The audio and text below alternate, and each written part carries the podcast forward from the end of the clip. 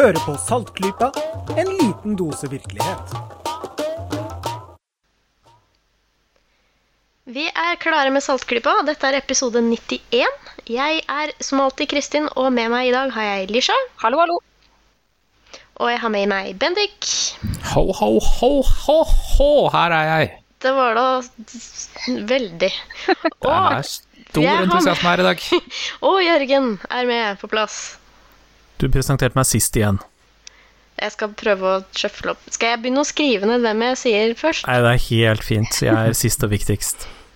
Jeg kan begynne å si Bendik sist, så kan han komme med en sånn morsom remark, sånn som han pleide å gjøre en gang i tiden. Bendik er vår tekniker og consistent eh, morsomme sidekick her i Saltgruppa. Det var altfor mye arbeid til å holde på med i lang tid.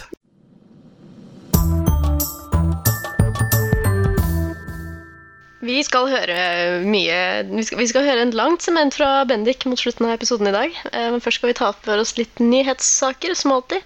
Noe trist og noe fint. Eh, Og siden vi er så snille mot dere lytter her i Saltgrypa, så begynner vi selvfølgelig med det triste. Eh, Og Lisha kan kanskje si bitte lite grann om hva den triste saken er. Ja, vi skal ikke grave oss helt ned i den, men det er en eh, ikke overraskende nyhet, eh, vil jeg si.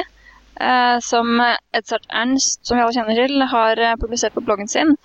En koreansk studie som har evaluert om kreftpasienter som bruker alternativ medisin, normalt i tillegg til vanlig eh, behandling, hvordan det går med dem litt long term. Og de har dessverre, men kanskje ikke overraskende, eh, høyere dødsrate. Og det er ganske høy forskjell også. Det er 79% for de alternativbrukerne og 65% for de som ikke brukte det. Så det er jo ikke noen hyggelig nyhet, men det er kanskje ikke helt overraskende. Um, samtidig så kan man jo ikke skylde det nødvendigvis på det. Han Ernst nevner flere ting her. Det er bl.a.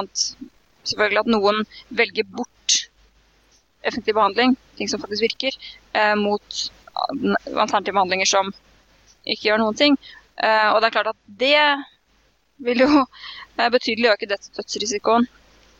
Um, Mm. men det kan jo også være som han også nevner, at de som velger å bruke alternativ medisin i tillegg til vanlig medisin, de kan jo også være sykere. eh, litt mer desperate. eh, slik at de prøver alt. Og det er klart at da vil jo de ha en høyere mm, dødsrate enn de som da i utgangspunktet er litt friskere. Um, Det er det jeg tenkte også. Altså det, man hører jo stadig veldig triste saker om folk som er veldig, veldig desperate. Uh, helt på holdt på å si kanten av livet med forferdelig dødelig kreftsykdom. Og ja Dessverre blir jaktet ned av litt av hvert av tilbydere. ja, det er jo noe som si. en stygg bieffekt av det at det finnes så mye sånne forskjellige behandlinger på markedet nå. For i en del tilfeller så er det nok sånn at man bør akseptere at dette er dødelig, og heller bruke den tiden man har igjen på å være sammen med familie og venner, eh, heller enn å ja, kaste bort den tiden, da, som tilfellet vil være for en del pasienter som er så syke at ingenting kan gjøres. Eh, kaste bort den tiden på meningsløse uh, terapier. Så det er sikkert en betydelig av disse som har den, forårsaker den høyere dødsraten, det er nok en betydelig andel av eh, helt desperate personer. Um, som kanskje, eller helt sikkert faktisk, burde hatt en annen form for hjelp. Uh, men det er, det er noe som som sagt ikke overrasker. Uh, men det er trist. Det er noe som man bør være klar over hvis man er involvert i f.eks. å gi råd til uh, kreftpasienter om hva slags behandling de bør benytte seg av. Det er det som er positivt med dette, er at det faktisk eh, Nå har vi det på papiret, at det er sånn. Vi har jo eh, advart om det i årevis, om problemene med alternativ medisin og kreft, men nå, nå kan vi vise til noe. Det er fordelen med dette. Ja, Helt klart. Det er alltid bedre, samme hva det er, så er det alltid bedre å ha fakta på bordet. Eh, og vite, heller enn å anta. Ja, eh, i, I prinsippet så er nok alle enige i det, og så kan man jo snakke om hvem som tolker fakta hvordan. Dessverre. Sånn er det jo.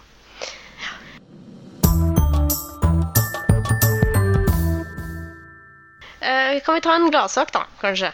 La oss gjøre det. Ja, vi, eh, for dere har sikkert hørt om Det er en sånn gladsak midt oppi all elendigheten. Fordi at dere har sikkert hørt om, og mange av lytterne våre har sikkert også hørt om eh, et eh, altså, Denne her forferdelige mesling, eh, altså, som foregår i California. Og nå sist da i Disneyland har de spora eh, ganske mange smittetilfeller. Saltklypa, en podkast hvor en meslingepidemi er en gladsak.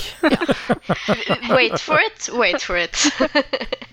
Fordi jeg skal nemlig vinkle dette inn på lokale norske nyheter. Så nå, nå må dere bare være tålmodige her. Eh, det er altså legene i USA som er helt uh, fortvilte om at uh, det er ingen som vaksinerer barna sine borte. Fordi det er snakk om uh, I stor grad har man da funnet ut at det er stort sett snakk om velstående områder i California hvor folk sannsynligvis da har veldig lite å bekymre seg for i hverdagen. Så da begynner de å følge masse sånne antivaksinefolk og sånne kjendiser som sier at du skal ikke vaksinere barna dine. Så der har vi jo hatt en sånn vanvittig eksplosjon av meslingtilfeller. Etter at det har nesten har vært ja, har holdt seg i hvert fall på et ekstremt lavt nivå. Eh, så har det kommet mye. Og eh, så er det melder i hvert fall VG for noen dager siden at eh, over 80 mennesker ble smittet i et utbrudd som begynte da i Disneyland. Og det er litt sånn derre Videre så hører man om at en skole i Orange County, California, anbefaler da uvaksinerte elever å faktisk holde seg hjemme nå. Eh, Ikke bare anbefaler, men på et, eh, i en periode så fikk de jo rett og slett ikke lov til å komme til skolen. De var nekta på skolens område. Det er mange sånne historier. også og denne Disneyland-saken har jo da, som, som sagt, den har faktisk fått ganske mye oppmerksomhet også i norske nasjonale medier. Eh, og da begynner kanskje folk å Vet ikke. Få litt mer sånn eh, Høre litt mer på det. For da kan vi, nå kan vi eh, melde om en sak fra Budstikka, som er lokalavisa i Asker og Bærum. Og ehm, eh, der er det tydeligvis også da en eh, liksom en slags prevalens da, av folk som ikke vaksinerer barna sine. Kommer litt tilbake til hvor det, kan, hvor det skjer. Eh, og da, da har de da hørt om dette meslingutbruddet i USA, og da viser det seg faktisk at disse vaksinemotstanderne, noen av dem begynner å skifte mening. Når de da finner ut at liksom, andre blir syke og sånn, da. Uh, de har faktisk uh, angret seg på at det har skjedd. Så det, det er en sånn type sånn Jeg blir sånn veldig, veldig, veldig lettet og glad å lese det. Når andre folk blir sjuke. Nei, når, når folk som har hatt en sånn mening at de ikke vil vaksinere barna sine, faktisk tenker over det og finner ut at det tok de feil av. Syns jeg er veldig veldig fint. Eh, samme, også, selvfølgelig så kommer det jo seint når du ser at det er tilfeller av eh, meslinger eh, som ikke, skal, ikke burde være der. Og nå er det sånn at i Skal vi se, det står her i Asker og Bærum så var det sånn at eh, av toåringene der så var det 10% faktisk som ikke var vaksinert mot meslinger eh, for eh, ja, i 2002, da. Mens eh, nå ti år senere så var vi faktisk nær full vaksinedekning. Vil si 95% Så det er ganske, det er ganske bra, da. Ja, for Det som overrasker meg litt, er at uh, vaksinemotstanderne er så veldig synlige i sosiale medier. Så jeg får liksom inntrykk av at det er mange av dem. Men uh, så Det er det kan de vil du skal tro, Jørgen. de Ja, det er jo akkurat det, ikke sant. Dette her er jo en holdningskrig. Men så ser det altså ut til at faktiske meslingutbrudd uh, kommer og slår ned den taktikken uh, ganske effektivt. Og det er jo synd at det skal starte på den måten, men veldig bra at det skremmer folk tilbake til fornuften. Nå, ja. jeg tror alt Nå har jo ikke jeg noe kunnskap om dette her. Jørgen, du som nylig har blitt forelder, du vet vel kanskje dette her. Jeg trodde liksom at i den sovjetkommunistiske politistaten Norge så var eh, vaksiner obligatoriske. Nei da, de er frivillige. Ja, Da har jeg lært noe nytt i dag også. Ja, altså, du kan reservere deg, men det er jo standarden å vaksinere seg. Og de eh, nybakte foreldre får en eh, veldig fin brosjyre som går grundig gjennom eh, hva man vaksineres mot, hva som er bivirkninger, og eh, ja En del myter om vaksiner tas også opp. Så foreldre som sitter på gjerdet, får, kan skjønne litt mer av Mm. hva som er gærent når antivakserne uttaler seg, da. For det er jo denne her artikkelen til uh, Mr. W på slutten av 90-tallet som uh, har ekstremt mye av skylden for den her uh, antivaksine I hvert fall antibarnevaksine-bølgen som har kommet. Og med Mr. W så mener du Andrew Wakefield? Ja, jeg Hvem ellers? orker ikke å benytte pust på å si navnet hans, egentlig. Eh, Men eh, så er det jo sånn som Jørgen sier, da, at det har jo faktisk eh, vaksinasjonsgraden har jo faktisk eh, økt jevnt og trutt. Etter at denne her var som sto på som verst i mediene, da. Ja. Så det at vi faktisk eh, nå nesten er oppe i flokkimmunitet, er jo en veldig hyggelig nyhet. Dette er jo kanskje noe som håper jeg, naturlig går i bølger, i den forstand at når en sykdom er så godt som utryddet, altså den fins, men den påvirker ikke oss, det er ingen som dør av det, vi opplever ikke selv at folk dør, så begynner vi å tro at det er ikke så farlig. Hvorfor trenger vi den vaksinen? For det er jo ikke farlig, det er jo nesten ingen blir syke, og det er jo ingen som dør og sånt. Og når man slutter å vaksinere seg, så kommer det tilbake, og du ser at folk blir faktisk kjempesyke, og folk dør jo faktisk. Det har jo vært Mm. en hel del dødsfall. Og da blir folk såpass skremt, da går det tilbake til vaksinen. Så om x antall år så har vi kanskje kommet rundt igjen. Så begynner folk å si at nei, men den sykdommen er ikke så farlig, så ungen min trenger ikke vaksine. Og så sier de jo det, et, et sånt yndlingsargument også blant de som velger å ikke vaksinere barna sine mot meslinger, er jo det at ja, men det er jo bare i den tredje verden det er et problem. For her har vi jo liksom ressurser nok til å behandle barna våre når de får meslinger. Og da er du beskytta livet ut, vet du. Når du har hatt det. Det er liksom så bra argument som de har. Ja. Man vet jo ikke hva man skal si. Altså, dette her er jo folk, de som er da, sånne som Jørgen sier, veldig aktive på sosiale medier og måtte jobbe for å spre the gospel. Dette er jo på mange måter troende. Så Ja. det er jo, de personene er det veldig vanskelig å nå inn til med faktiske, konkrete argumenter og bevis. Eh, Det er jo de som sitter på gjerdet og er tilbøyelige til å tro på disse folka. Det er jo dem man må rette seg mot. For de som har sin hellige overbevisning, de er egentlig, som i mange andre saker, så er den gruppa egentlig en tapt sak. Ja, Dessverre. For det skal ganske mye til å fremdeles uh, tro på Wakefield uh, når eh, etter at det ble vist at det ikke bare var det feil resultater, men at han faktisk også bevisst juksa blitt, for penger. og han har blitt fradømt legelisensen. Uh, Ja. Ja. Så det er fascinerende. Veldig fascinerende. Det slutter aldri å fascinere på en sånn morbid måte.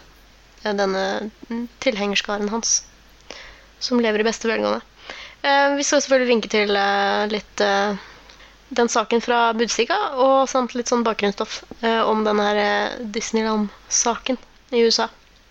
Eh, Jeg vil gjerne også nevne i forbifarten en annen glad sak, som av en sykdom som faktisk er veldig nære å bli utryddet. Eh, Det er en sykdom som nå fins kun i var det 30 landsbyer i fire afrikanske land. ja. Eh, og eh, det dreier seg altså om Guinea-orm. Det er en parasitt. Og det er en sånn eh, forferdelig sak eh, som eh, går da via drikkevannet. Og denne sykdommen har da gått fra Skal vi se, det, står, det er ganske imponerende. Fra 3,5 millioner tilfeller i 1986 så var det, eh, så er det nå 126 tilfeller som man har registrert.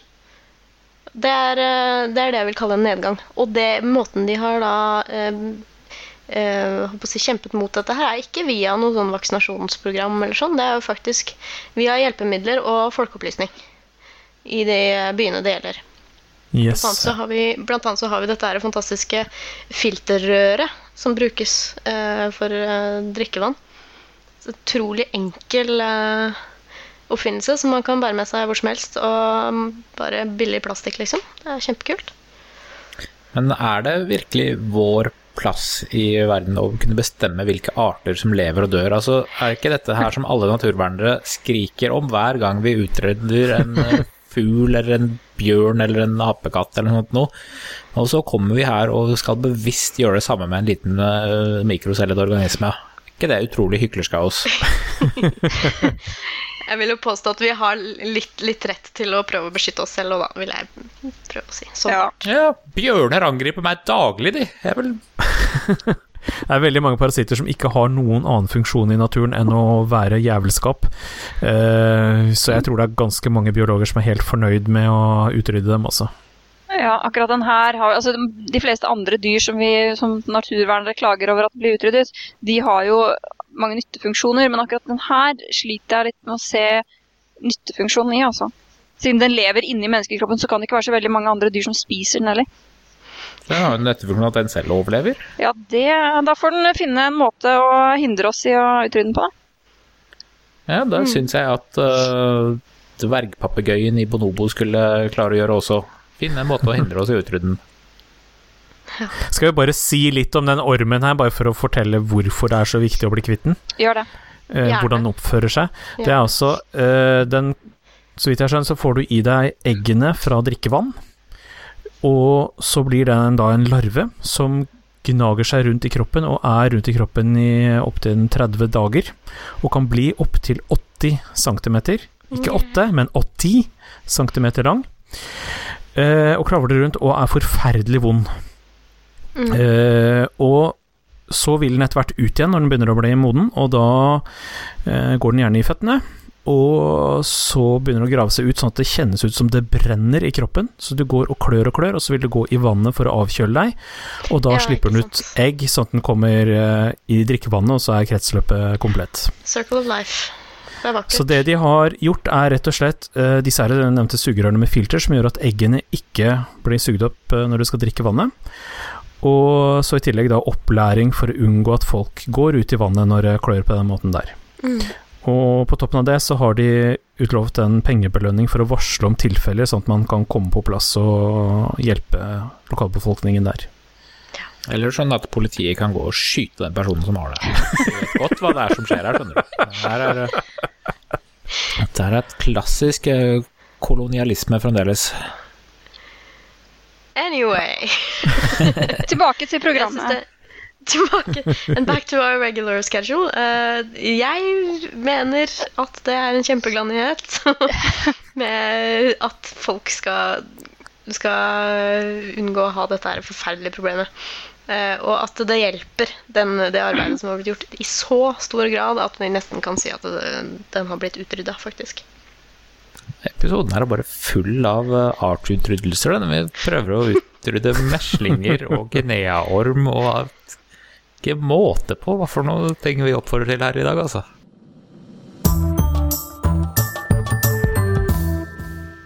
Jørgen. Ja. Eh, du holder deg i form eh, om dagen, gjør du ikke det? eh, jo, jeg driver med en spesiell type muskeltrening som heter å bysse baby. Ja. ja. Eh, er, det andre, er det andre sånne type fitnessprogrammer som eh, passer eh, veldig godt til din hverdag, føler du? Jeg skal ikke si det, men jeg kom over en som i hvert fall vekket min interesse. Siden jeg er arkeolog og har hovedfokus på vikingtid. Så da det da dukket opp på sosiale medier lenke til den nye, fantastiske treningsmetoden som er viking workout så måtte jeg finne ut av dette her. Ja. Det er jo så populært med vikinger om dagen, med diverse filmer og serier og sånn, så dette her har slått an rundt omkring, særlig den engelskspråklige delen av verden, og så skal man begynne å trene som vikinger. Mener du at eh, folk eh, liker tanken på å se ut som de skuespillerne som spiller i Vikings, f.eks.? Skjegg er jo veldig in nå for tiden, så ja. Det er jo det. Ja, det er nok det skjegget som f.eks. Nicole Scherzinger er veldig uh, interessert i. uh, nei, jeg, jeg, tror det er uh, rett og slett bare at vikingene framstår som fysisk sterke og sunne. Og det stemmer for så vidt ganske godt overens med skriftlige kilder fra vikingtida også, om at eh, når vikingene kom til andre land, så ble de oppfattet som store og kraftige og sterke og sunne og friske. Så, så det er for så vidt fra et faglig synspunkt helt greit. Men i hvert fall, eh, jeg har jo plaget meg i årevis med denne steinalderdietten, så jeg bare lurte på om vikingtrening var akkurat like teit som eh, steinalderdiett. Det er det ikke, det er ikke fullt så teit. Eh, man kan se på dette på to måter. Enten er det trening sånn som vikingene trente, eller den andre måten er det en trening som vil gi omtrent samme resultat som den treningen som vikingene fikk. Uh, hvis du satt på den første, at dette skal være historisk korrekt trening, så er det mye tullball. Men det er faktisk ikke så gærent på uh, hva man trener, for det går mye på kjernemuskulatur. Generelt, altså gå i terrenget, uh, mm. gå med gåstaver og sånn. Altså gåstaver er ikke noe som vikingene gjorde, men det er sånn trening av hele kroppen. gjør tunge ting. det er det det er fokusert på. Det er slett ikke så gærent. Um, vi vet egentlig veldig lite om hvordan vikingene trente, så eh, vi må gjette oss til en del ting. Men det i hvert fall sagakildene forteller oss, er at de var veldig glad i konkurranser. Og fysiske konkurranser, også mentale konkurranser. Um, så at man på en måte trente seg opp for å bli god og være bedre enn andre og sånn, det, det, er helt logisk. Uh, vi kan egentlig bare lenke til artikkel. Det er, det er bare å lese den. Noe virker litt tullete, uh, noe er fint og flott. Den ene det er, det er, flere måter å trene den eh, Viking workout på, da. det er ikke én ting. En av de tingene som virker litt tåpelig, er noe som heter eh, Scandi Pilates. Som, Scandi Pilates? Nå kan ikke jeg nok om pilates til å se hva som er veldig forskjellig i Scandi-versjonen av uh, dette her, men det er liksom Det er trening med sånne um, cowbells, og det er uh, noen sånne danserutiner og litt sånn som virker ganske fjollete. Litt sånn veiving med norske flagg og sånn? Nei, ikke egentlig. Det, det som mangler her, da hvis jeg virkelig skulle savnet noe som virkelig kunne gi deg vikingenes muskler, så var det roing. Uh, det skulle vært uh, Romaskin skulle på en måte vært uh, halvparten av alt sammen her. I hvert fall hvis man skal stole på de skjelettene som er funnet av vikinger i England, så er det kraftige skjeletter med folk som altså Du ser på muskelfestene at de er skikkelig sterke, og særlig rundt skuldrene, og det er antatt at mye av det skyldes rett og slett roing. Dette er folk som var veldig mye ute på sjøen og rodde masse. Så en liten gladsak. Ja. Kos dere med den hvis dere vil. Jeg syns i hvert fall det var underholdende å lese om. Ja. Nei, altså vi trenger alle noe litt, litt sånn inspirasjon til hvordan man kan eh, prøve, prøve, seg på disse forsettene man eventuelt måtte ha. Ja. Hvorfor ikke? Når man ennå er i Skandinavia, så kan man kanskje prøve dette her. Ja. Blir ikke per def liksom all workout som vi gjør, en skandinavisk workout? Slik kan ja, altså det, det, kan du si. Det er f.eks. en av uh, metodene her er det som kalles nordic walking også kjent som walking for oss. Eller er tur, turgåing. Gå i bratt terreng. Eh, og gjerne sånn, da med ja. sånne gåstaver. Det ja. Men det tror jeg er litt sånn norsk, at nordmenn liker å gå eh, avstander eh, mer enn andre. Ja. Hvis andre. I hvert fall når jeg snakker med litt sånn utenlandske kollegaer, og sånn, så er de så, de er så fascinert på at vi, vi, kan gå i 40 minutter på en hverdag. Liksom, sånn. Bare for å gå? Bare for å gå, ja. Skal ingen steder. Ja. Så, ja litt eiendommelig. Helt uh, avslutningsvis uh, på nyhetssakene våre så uh, skal vi nevne en blodfersk sak som kom ut nå for noen timer siden, mens vi tar opp nå. Det er at vår alles kjære James Randy han har nå bestemt seg for å gå av med pensjon, og da i forhold til da sin Nå sa jeg i forhold til, jeg liker ikke så å bruke i forhold til i den uh, sammenhengen der. Men, Dårlig ord. Ja. ja. I, i, eh, fra JRF, da. Fra sin uh, Educational Foundation. I en alder av 86 år har han bestemt seg for å trekke seg fra styret.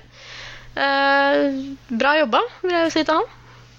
Det er uh, ikke verst, det. Og han sier jo selv at han kommer ikke til å bare sette seg ned og spille kabal. Han uh, kommer fremdeles til å kjempe den gode kamp og gjøre litt sånn reise litt rundt og fremdeles holde litt foredrag og sånn, men, men, i sitt eget tempo, da.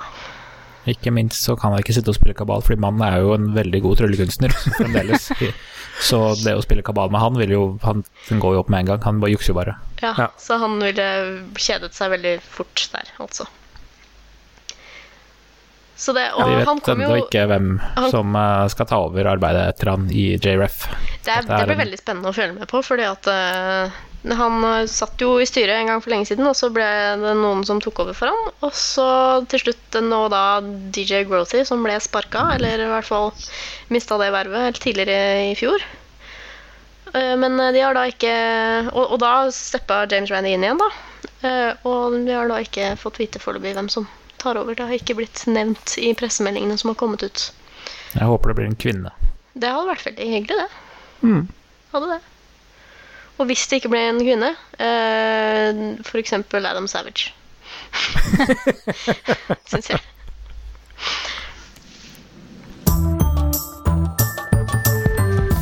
Skal vi se. Da eh, går vi videre til noe som eh, vi fant ut at vi hadde veldig lyst til å snakke om eh, litt sånn før vi avslutter i dag.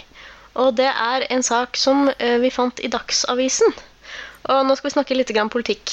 Eh, beklager det, det må vi nesten gjøre noen ganger.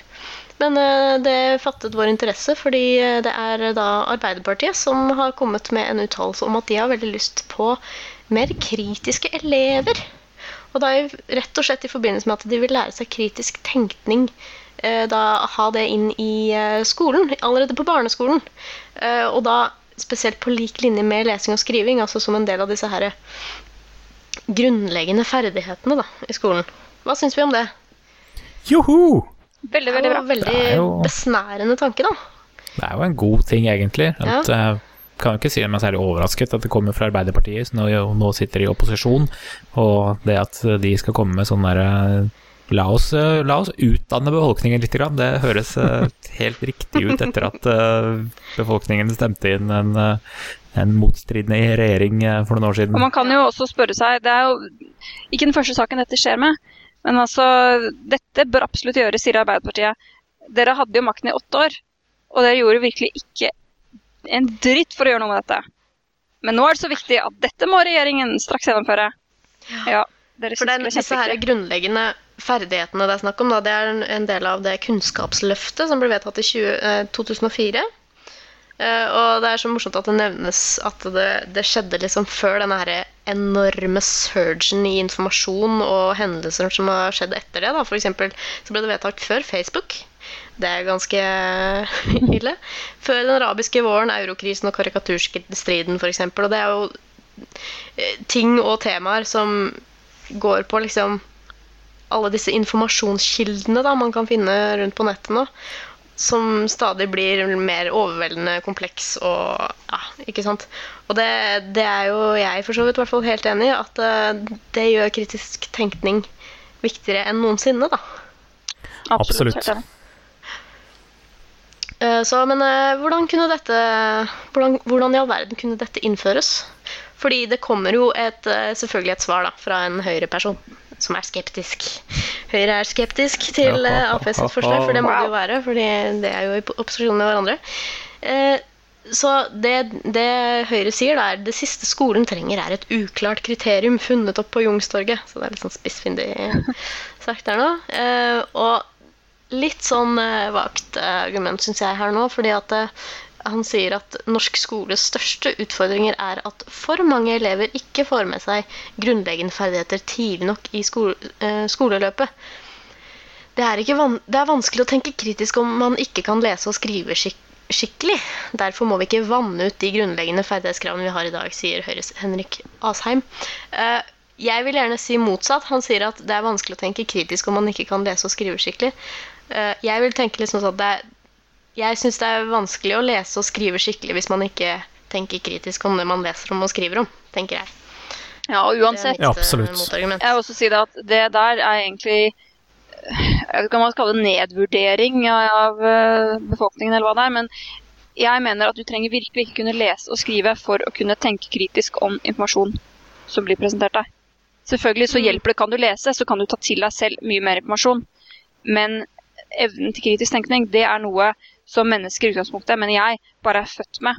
Og man ser jo det på barn i en viss alder, så begynner de å stille spørsmål og alt mulig. Og de kan ofte gå rett i kjernen av ting. Uh, på en måte som uh, jeg vet ikke, er bortslepet uh, i mange voksne. At f.eks. foreldre sier at nå gjør vi det sånn og sånn. Og barnet sier men det er ikke rettferdig, fordi da får storebror mer enn meg av et eller annet. ikke sant? Eh, Så jeg tror at det der det, Jeg tror at barn naturlig er kritiske tenkere i den forstand at de er veldig interessert i informasjon, og de prøver på alle mulige måter å sette informasjon sammen for å se hva som henger sammen med hva. Det er jo slik mennesker lærer. Og ikke bare mennesker, men alle arter som er i stand til å lære og huske. Eh, men over tid så blir den evnen mer eller mindre bortradert, og delvis pga. skolesystemet som absolutt ikke oppmuntrer til det. En sånn puggeskole, som man har kanskje ikke så mye i Norge, men eh, i en del andre land, den går jo imot utviklingen av kritisk sans fordi Ja. du skal godta det læreren sier. Du skal lære det utenat. Og det er gjerne sånn som, som fører til at man gjerne Hvis man er flink til å pugge, da, så blir man gjerne veldig god på, på skolen. Og så kommer man på universitetet hvor man ikke skal pugge lenger. Da skal man eh, argumentere og tenke kritisk, og så klarer man seg ikke så bra. Nei. Snakker ikke av erfaring i det hele tatt. Men er det noen som er eh, mer pedagogisk anlagt enn meg her, som har forslag til hvordan det faktisk kunne gjøres i praksis? Da Da snakker vi jo om før ungdomsskoletrinnet her. Med sånn Altså, det plager meg litt her at uh, det er jo veldig mange lærere som ikke er trent i uh, Mm. logisk tenkning. Helt Kritisk tenkning. Mm. Eh, så selv om man skulle tro at lærere var over gjennomsnittet, og de er de nå kanskje, så, så er vi ikke garantert at lærere tenker så rasjonelt og kan legge det inn i pensum. Jeg kunne tenke meg, for å tvinge dette til å skje, at eh, i tillegg til å være et eh, av de grunnleggende en av de grunnleggende ferdighetene som skal bakes inn her og der, at det faktisk var et eget fag, sånn at lærerne er nødt til å forholde seg til det veldig konkret, og få Eller kursing i det. ja, eller også Min drøm, da. eh, Som jeg har sett også har blitt framsatt i andre litt sånn kommentarfelt og sånn, når denne saken har blitt delt. Eh, Min drøm hadde vært at, at, det, at det innlemmes i et annet fag, nemlig det som nå blir hetende KRLE, og da at K-en blir stående for kritisk tenkning. Den veit jeg ikke om jeg liker, for den sier at kritisk tenkning liksom er et annet, kall det trossamfunn, eh, på lik linje med de andre tingene. Nei, men E-en da står jo for eh, etikk, gjør den ikke det? Ja, Det er jo ikke et fremdeles. Trossamfunn, det. jeg Etikk, kritisk tenkning, religion, livssyn. Ja. Jeg, jeg er litt enig med Bendik der at eh, det, da blir det putta i religionsbåsen. Eh, og sånn sett så er det bedre at det er en av de grunnleggende ferdighetene som skal bakes inn i mange fag. Ja, jeg er helt enig. Eh, For hvis du har et eget fag, så blir det på en måte atskilt, men det er noe som hører naturlig til i veldig mange fag, f.eks. ikke minst naturfagene. Mm. Ja, da, da blir det jo det, det, jeg- det høres ikke ut som en enkel oppgave å innlemme det, men jeg håper virkelig det er noe som eh, til slutt blir gjort. Men dette er noe som har vært diskutert i foreningen Skepsis, og prøve å jobbe for å få til, så det er jo definitivt rett i vår bane, dette her. Så Ja, jeg syns de bør eh, hive seg over dette eh, på nytt og ja, jeg er redd dette er valgflesk, men, eh, men uh, hvis det er noe som helst sjanse for at dette kan bli virkelighet, så støtter jeg det 100% altså. mm. Da tror jeg vi går over eh, gir mikrofonen over til eh, hjørnet for eh, Comic Relief. Og tar for Vel, oss takk skal du ha. Jeg prøver iblant å komme med noe interessant her, altså, men er det, det er sånn dere ser på meg, så greit. Jeg kan være klovnen deres, jeg. Jeg er selvforskyldt, det, Bendik.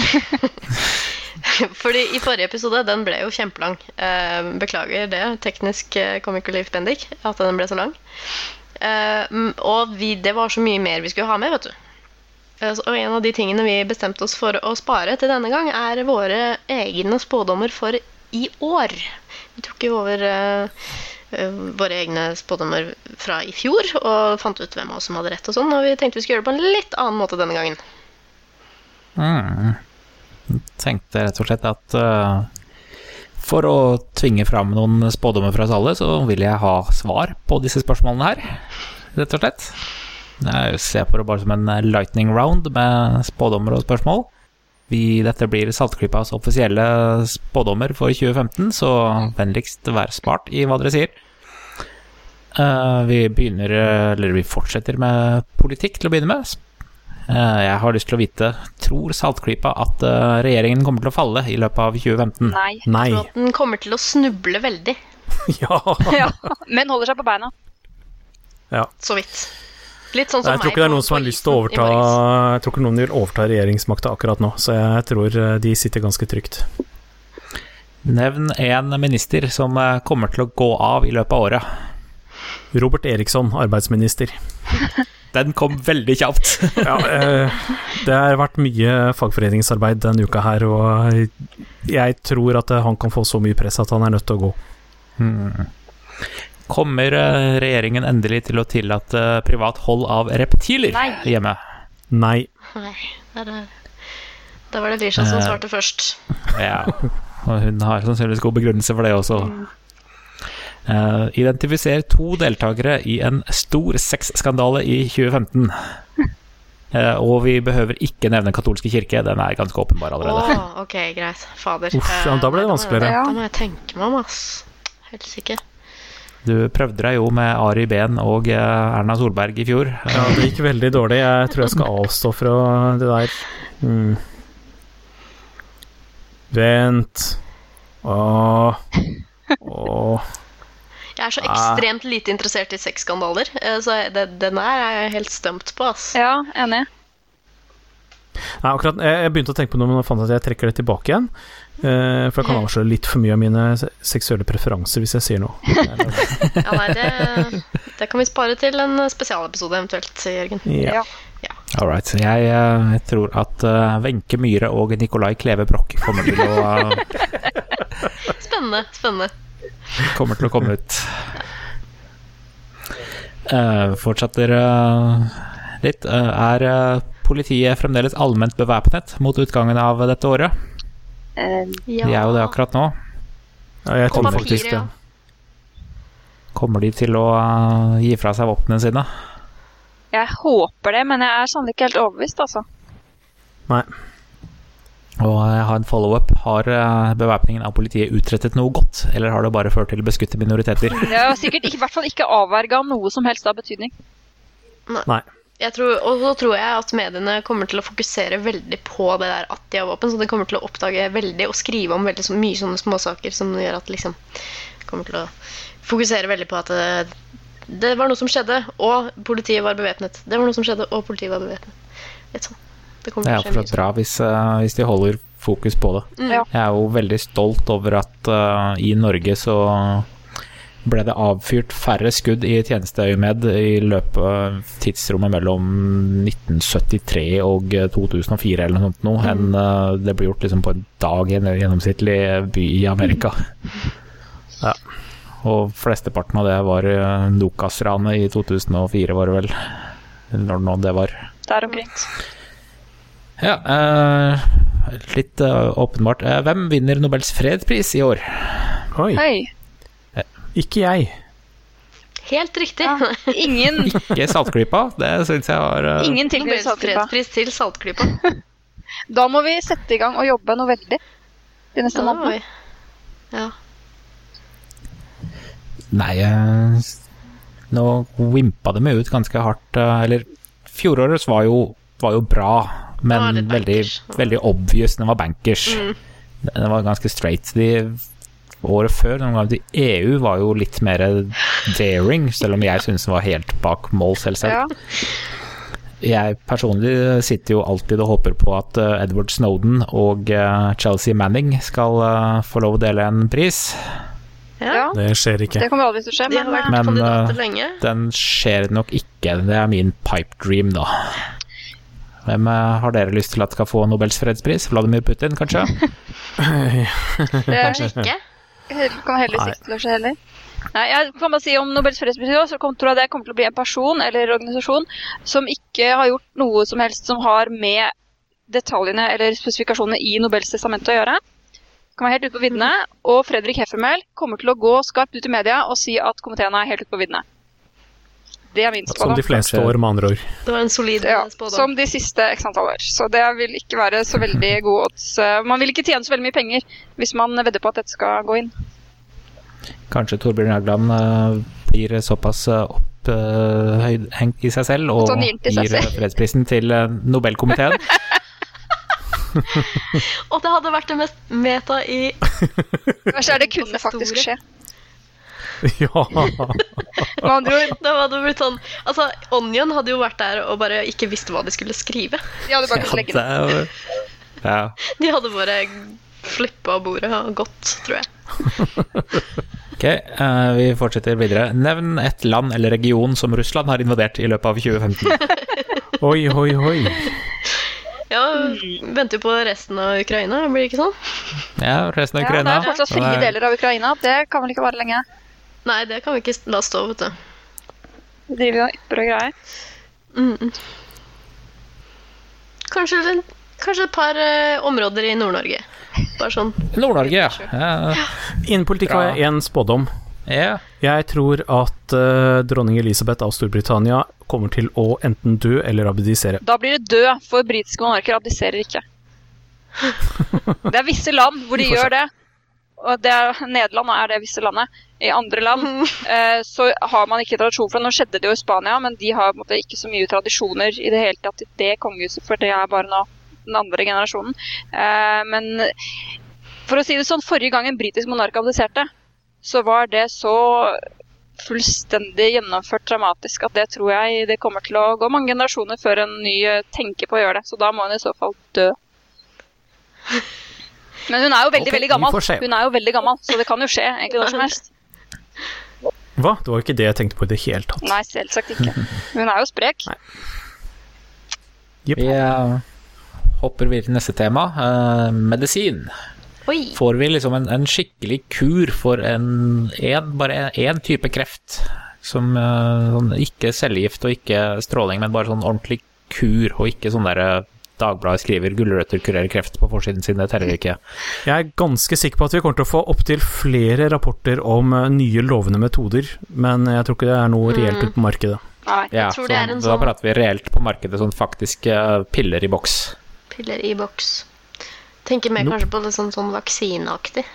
Ja, fordi ja, kreft er vel egentlig mer et symptom nesten enn en sykdom i seg selv, så hvis man kan vaksinere seg mot det som forårsaker eh, kreften, så er det fortsatt vel så bra.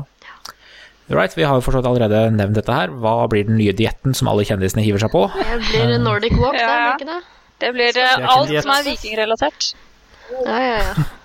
Nei, jeg tror det blir den nye gelédietten, Gelédiett. Ja. Jello.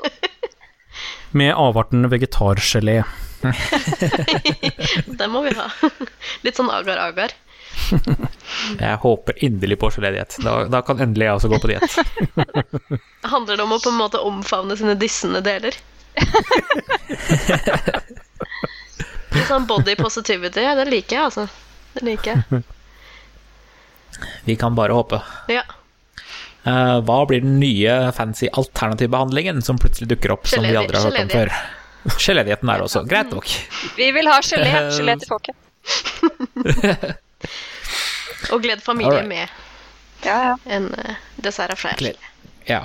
Uh, hvor mange bøker blir skrevet om eller av uh, Snåsamannen Joralf Gjerstad i løpet av 2015? Nei, det har jo tapt seg litt nå, så jeg tipper ikke mer enn et par stykk, Jeg tror én. tenker jeg. Jeg holder med Kristin, jeg sier to. En av og en om. Lever han den 31. desember 2015? Ja. Eh, Ja. Eh, ja, det er follow-up-spørsmål. Hvis nei, har Bare- han spådd sin egen død? Nei, absolutt ikke. Og hvis han har spådd sin egen død, har han spådd den i forkant og offentlig? Nei, jeg tror nok han da, hvis han dør, så kommer han til å gå ut til mediene i etterkant, eller i en bok. Og si Ja, at, du tror han eh, kommer til å gå ut til mediene i etterkant, ja? Ja. Nei, noen si kommer til å gå ut og si at han har sagt Ja, han spådde det. Mm. Jeg, kan, jeg har ikke opptak eller noe skriftlig, men han sa det til meg. Nei.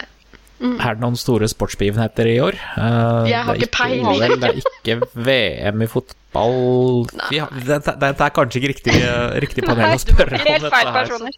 Ta inn sport, da, Bendik, hvis du ikke kan. Jeg hadde ikke tenkt å spørre om det, jeg hadde bare tenkt å spørre om uh, Snåsamannen hadde spådd uh, noen sportsbegivenheter. Å ja. ja da, det har han sikkert. Det er sikkert noe håndballting eller et eller annet uh, rart.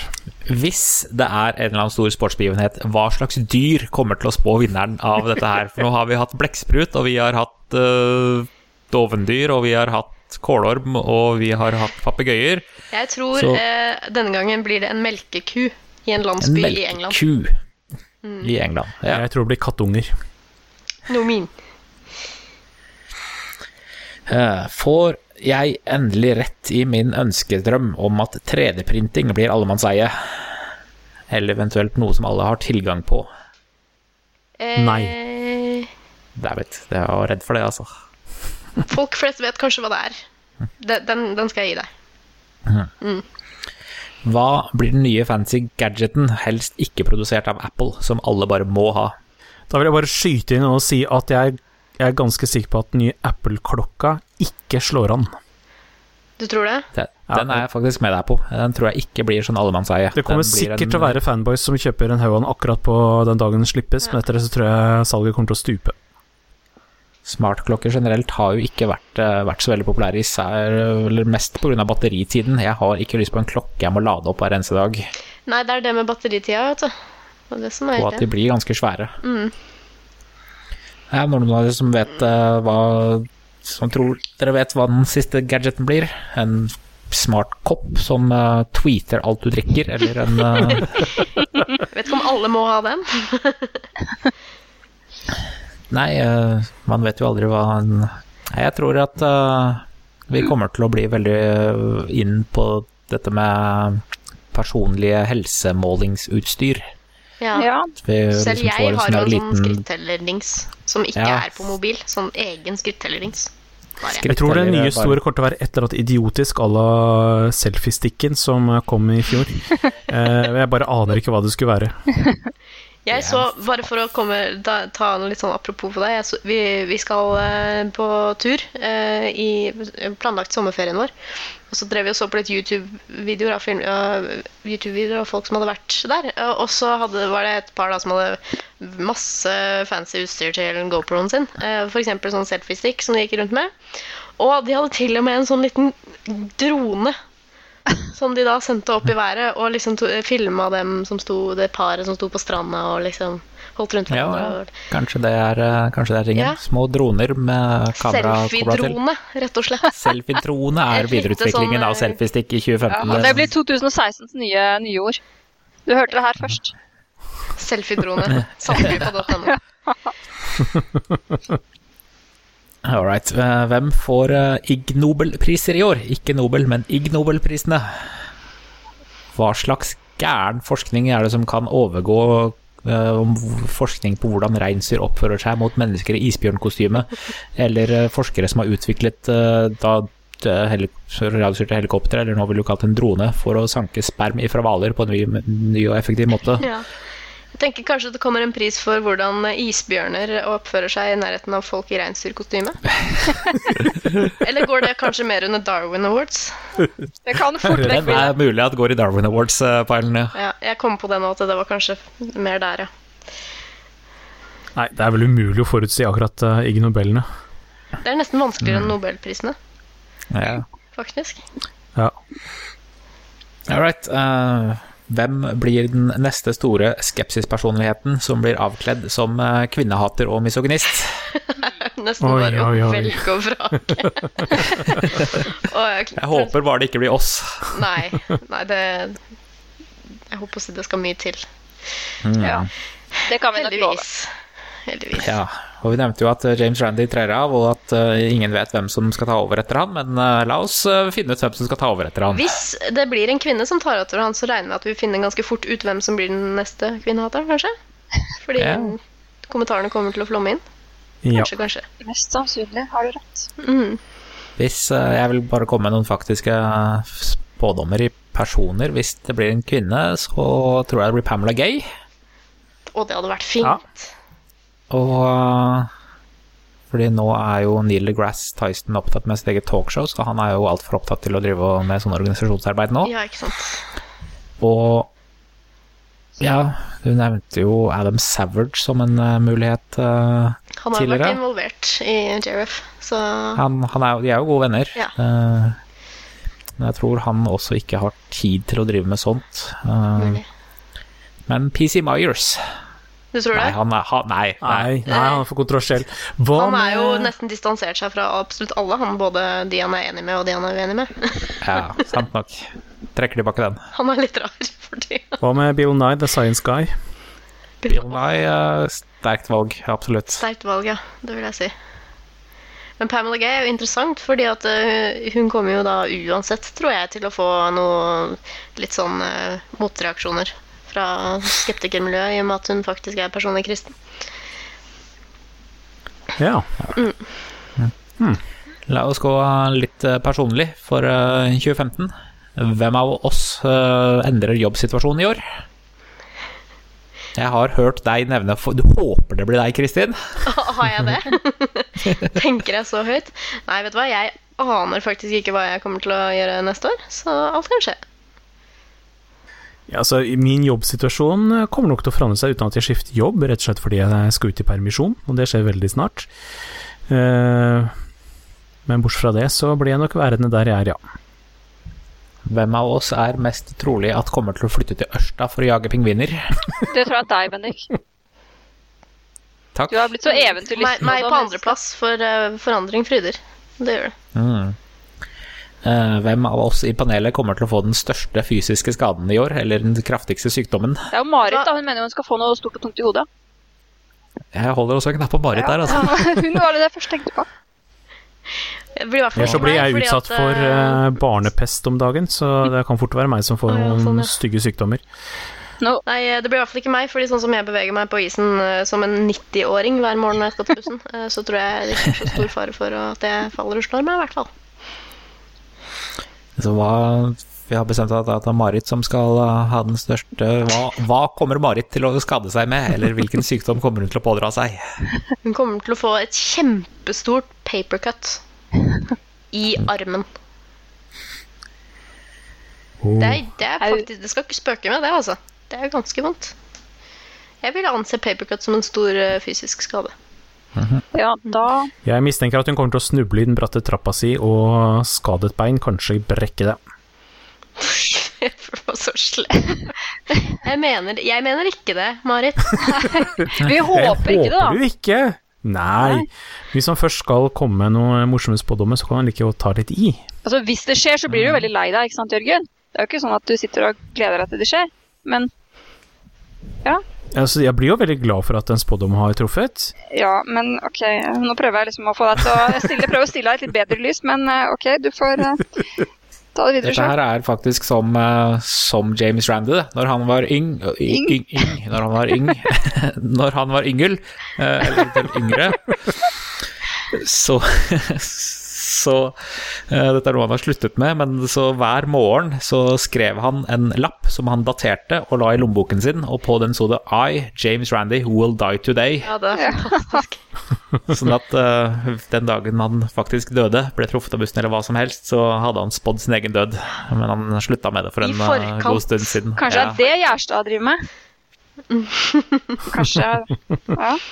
Så den veien det går. All right. Litt, uh, litt lystigere. Uh, hvem vinner Melodi Grand Prix i år? Og jeg, jeg vet at vi ikke har hørt noen bidrag ennå. Vi har hørt noen bidrag, uh, men de er ikke sånn Og du har. Ja, vi, jeg da, ok. Eh, for folk har jo begynt å velge. Eh, faktisk nå, Man velger tidligere og tidligere. Foreløpig så syns jeg ikke at det er noe som særlig peker seg ut av det jeg har hørt. Eh, jeg vil si at feltet er helt åpent, men jeg kan si så mye som at det blir ikke Norge. Der tror jeg jeg skal Nei, klare, å- det tror jeg skal klare å så spå. sterke bidrag. Jeg altså. tror at Irland bestemmer seg i år endelig bare for at nå har vi lyst til å vinne igjen, og så drar de fram Johnny Logan igjen, og så vinner de. Jeg tror det er et østeuropeisk land som ikke har råd til å arrangere neste år igjen, som vinner. Det er meget mulig det blir et østeuropeisk eh, land, men jeg håper ikke at det blir et av sånne Moldova eller sånn som vil bli totalruinert. Eh, men kanskje noen som har Mm. bitte lite grann penger. Men husk at hvis et lutfattig land skulle vinne, så har eh, EBU støtteordninger for det. Så Aha. håpet er det, altså. Men det som er verre, er om det blir et veldig lite land. Fordi det, de må ha en arena som er så så stor. Og det er klart at Hvis f.eks. San Marino skulle vinne, eh, de har jo 30 000 innbyggere, og de, har ikke så, de er ikke så interessert da, i å ha en arena hvor det er plass til 20 000. Uh, for det vil ikke være så anvendelig. Uh, så da ja, de blir det outsource den, ja, da må de, de må låne en italiensk by, da. f.eks. Andorra måtte låne Barcelona, eller ikke sant. Eh, hvis Mm. det skulle gå så galt. Eh, men ja. Dette vil vi få vite i mai. Og vi gleder oss, eller i hvert fall noen av oss. Litt mer åpne spådommer. Hvilke ting som vi bryr oss om masse akkurat nå, kommer vi fremdeles til å huske den 31.12.2015? Oi, oi, oi. Hva står på hjernen vår nå? Jeg håper jo man fortsatt bryr seg om arbeidsmiljøloven. Eh, Ja, Ja. Forhåpentligvis så har man Det har ikke ikke gått helt i glemmeboka. når vi tar opp dette her, så har det jo vært uh, streik. I dag, faktisk. Det er uh, i dag som vi tar opp dette her, ja. Så jeg håper at den fremdeles er en At den fremdeles eksisterer i slutten av året. Det hadde vært veldig hyggelig. For uh, alle og enhver. Husker vi På Mot slutten av året så husker vi Charlie Hebdo. Det kommer vi nok helt sikkert til å gjøre. Ja. Har de Ja, vokst gjør med all oppmerksomheten til å bli en stor multinasjonal publikasjon som alle abonnerer på, og alle leser. Blir man oversatt til norsk, og eh, Den blir nok kanskje ikke vokst så stor, men større vil den nok være. Ja, Litt mer internasjonal. har eh, Al Qaida innsett at dette her funket så bra at de har angrepet Nytt på Nytt-studio også? Nei. Nei. Nei. Og i så fall, hvis de hadde gjort det, hvem sier konspirasjonsteoretikerne at egentlig står bak? Da er det jo Helseinstituttet. Nei, da er det jo NRK som står bak, ikke sant? Fordi Charlie Hebdo ble angrepet, og unnskyld den veldig dårlige spøken, det var jo på en måte det beste som kunne ha skjedd for dem. De har jo megasuksess. Og Nytt på Nytt, la oss si er- seertallene synker lite grann. Et angrep. Da er jo logikken at da kommer stadig flere til å se på Nytt på Nytt, så dem vil jo i så fall være NRK selv som har eh, gjennomført eh, dette attentatet. Men jeg tror ikke det kommer til å skje. Men hvis det skjedde, så ville det jo selvfølgelig være en eh, false flag-operasjon for å lure folk til å se på Nytt på Nytt. Det er alltid en false flag. Ja, ja. Men altså, det er jo ikke tøys engang. Altså, det er jo alltid sånne teorier som dukker opp. Ja, ja, ja. Stadig nærmere hendelsen også. ja, med en gang, samme dag gjerne. Ja, ja, ja. Temmelig respektløst, Yes. men Med mindre noen har noen uh, fritekst-spådommer de har lyst til å slenge inn, så er dette den offisielle listen over spådommer fra Saltklypa i 2015. Så ser vi om et år eh, hvordan vi traff. Jeg tenker sånn at siden det, det er 2015, sånn um, i Back to the Future-sammenheng, så vil jeg jo påstå at vi må følge veldig nøye med på hvordan skomoten blir, sånn, i hvert fall når den begynner å nærme seg oktober. Ja, jeg tror den ikke blir så veldig mye forskjellig fra det den var i fjor. Du er kanskje inne på noe. Men det er, Nike har eh, sagt at de skal lage denne selvsnørende skoen i år. Jo, jo, men det, det er jo bare en gimmick, ikke sant? Jeg tror ikke det blir mote. Nei, det er så. Og så- jo, og så eh, tenkte jeg at jeg skulle spå at eh, eh, man driver og oppdager så sykt mye mer og mer eksoplaneter uh, etter hvert som årene går. Og i fjor så tror jeg man oppdaget over 800, bare i fjor. Eh, totalt Wow. så er vi oppe i 19 1900 planeter nå, tror jeg. To og en halv om dagen, det. Ja, ikke sant? Og eh, neste år så tror jeg vi vil runde 1000 Wow. i løpet av året. Det tror jeg vil skje faktisk ganske fort. Det er godt tempo. Ja, det er ikke det. Jeg må jo si et par ord til uh, om Eurovision jeg, da for min del. Jeg tror at i år så blir det Og nå er det jo sånn kvasi-tyskere som arrangerer. Og sist gang det var ordentlig tyskere som arrangerte, så var det dritdårlig og kjempeskuffende. Men jeg tror at nå så blir det helt konge. Jeg tror at Østerrike kommer til å lage så utrolig bra stemning og kjempebra show med veldig bra mm, postkort og pauseunderholdning og topp stemning for hele Europa. Eh, ikke sånn der pinlig tøys som tyskerne kastet bort eh, sin sjanse på. Eh, det blir eh, kongeshow for hele familien fra Wien i mai. Vi gleder oss. Og Ja, ja, ja. ja, kjære lyttere, vi kommer til å ha en eh, MGP-spesial i mai måned i år også. Selvsagt. Gleder oss fælt. Ja, men som sagt, da ser vi hvordan det går, da. Sånn i, enten på slutten av året eller i begynnelsen av neste. Mhm. Da sier vi sånn. Takk for det, Bendik. Det var en hyggelig liten lightning round, dette. Absolutt. Nå skal vi over til eh, noen kjappe anbefalinger, for vi har ganske mange. Eh, jeg, før, først vil jeg anbefale en boklansering som skjer den 5. februar. Det er eh, Humanist Forlag og Vårt Land Forlag, faktisk. Som Det er ikke et uh, kombinasjon man hører ofte. Nei, det er ikke det, og det er heller ikke innholdet i boka. Uh, Den boken heter 'Presten og ateisten'. Og her er det da vår alles kjære Didrik Søderlind. Uh, Det er da ateisten, hvis dere lurte. Og prest Stian Kilde Aarebrot, som har eh, blitt venner og skrevet brev til hverandre, og har eh, laget en bok av det. Uh, og den høres så kul ut at jeg syns alle skulle gå på den eh, boklanseringen som er 5. februar. I hvert fall de som bor i Oslo-området, selvfølgelig. Ja, det var Det det. er på ing Ingensteds i Brenneriveien i Oslo. Eh, klokken syv. Og de som ikke kan gå på boklanseringen, de anbefales å kjøpe boken. Ikke sant. Vi skal lenke til en veldig kul trailer, en boktrailer som blir sluppet om den boken også. Og så har vi masse podkaster å anbefale, for det har kommet så mange nye norske podkaster. Yay, norske podkaster. Ja. Eh, kanskje vi vil nevne først eh, Gunnars nye podkast. Ja. Ja. Gunnar Tjomli, altså. Gunnar Tjomli. Ja, men Gunnar, vet du, vi er på fornavn. Er vi ikke det? Det kan hende vi har nye lyttere. ja, det er jo nå to år siden han uh, var med i panelet her, tror jeg. Yes. Eller er det tre? Jeg mister, mister tellingen på årene, jeg. Det er vel, det er vel to, cirka. Det var vel uh, høsten 2012 når han uh, ville dedisere seg til bloggen og boken sin. Ja. Boken ble jo en rungende suksess. Det er veldig bra. Og det han har gjort, han har satt seg ned og sett litt tilbake på bloggen sin, plukket ut noen blogginnlegg og har bestemt seg for å lage litt podkastepisoder av disse innleggene. Så det syns jeg er veldig kult, fordi da da blir bloggen litt mer tilgjengelig, da. Det virker foreløpig som han har eh, valgt ut uh, temaer som ikke er sånn uh, faktatunge, som er egnet for bloggartikler med, mm. med kildeinnvisninger og sånn, men heller tatt de som er mer fortellende. Og første er et kåseri som var helt kjempekult. Altså, han har sluppet tre episoder denne uka. Uh, episode nummer to, eh, advarsel 'Not safe for work'. Eh, ellers absolutt anbefalt, men det er veldig personlig og egentlig ganske vågalt. Eh, men jeg syns det var veldig gøy å høre på. Mm. så jeg anbefaler sterkt å følge med på hva Gunnar gjør framover. Ja. Og eh, så vil jeg anbefale Vitendate, som er en ny norsk podkast. Eh, den er fantastisk. Det er rett og slett en sånn vitenskapsprat-podkast. Eh, laget av eh, Bjørn Samset, eh, som er fysiker og klimaforsker og sånne ting. veldig kul formidler. kjempebra person all over. Og Selda Ekiz, kjent fra tidligere fra Newton. De har lagd en podkast som heter Vitendate. Jeg har hørt den første episoden. Den er kjempekul. de lover til og med å liksom få masse stæsj og logoer og sånn og musikk etter hvert, sånn som vi også etter hvert har fått. Jeg har hørt episode to også. Den er også veldig bra. Ja. Jeg liker formatet og anbefaler alle som er interessert i sånn gøy vitenskapsprat, å uh, ta en liten lytt på den. Og så vil jeg veldig gjerne anbefale en til, som har en norsk podkast som ikke har som ikke, ikke vil være relevant for noen andre eh, av våre lyttere enn de som er veldig interessert i strikking.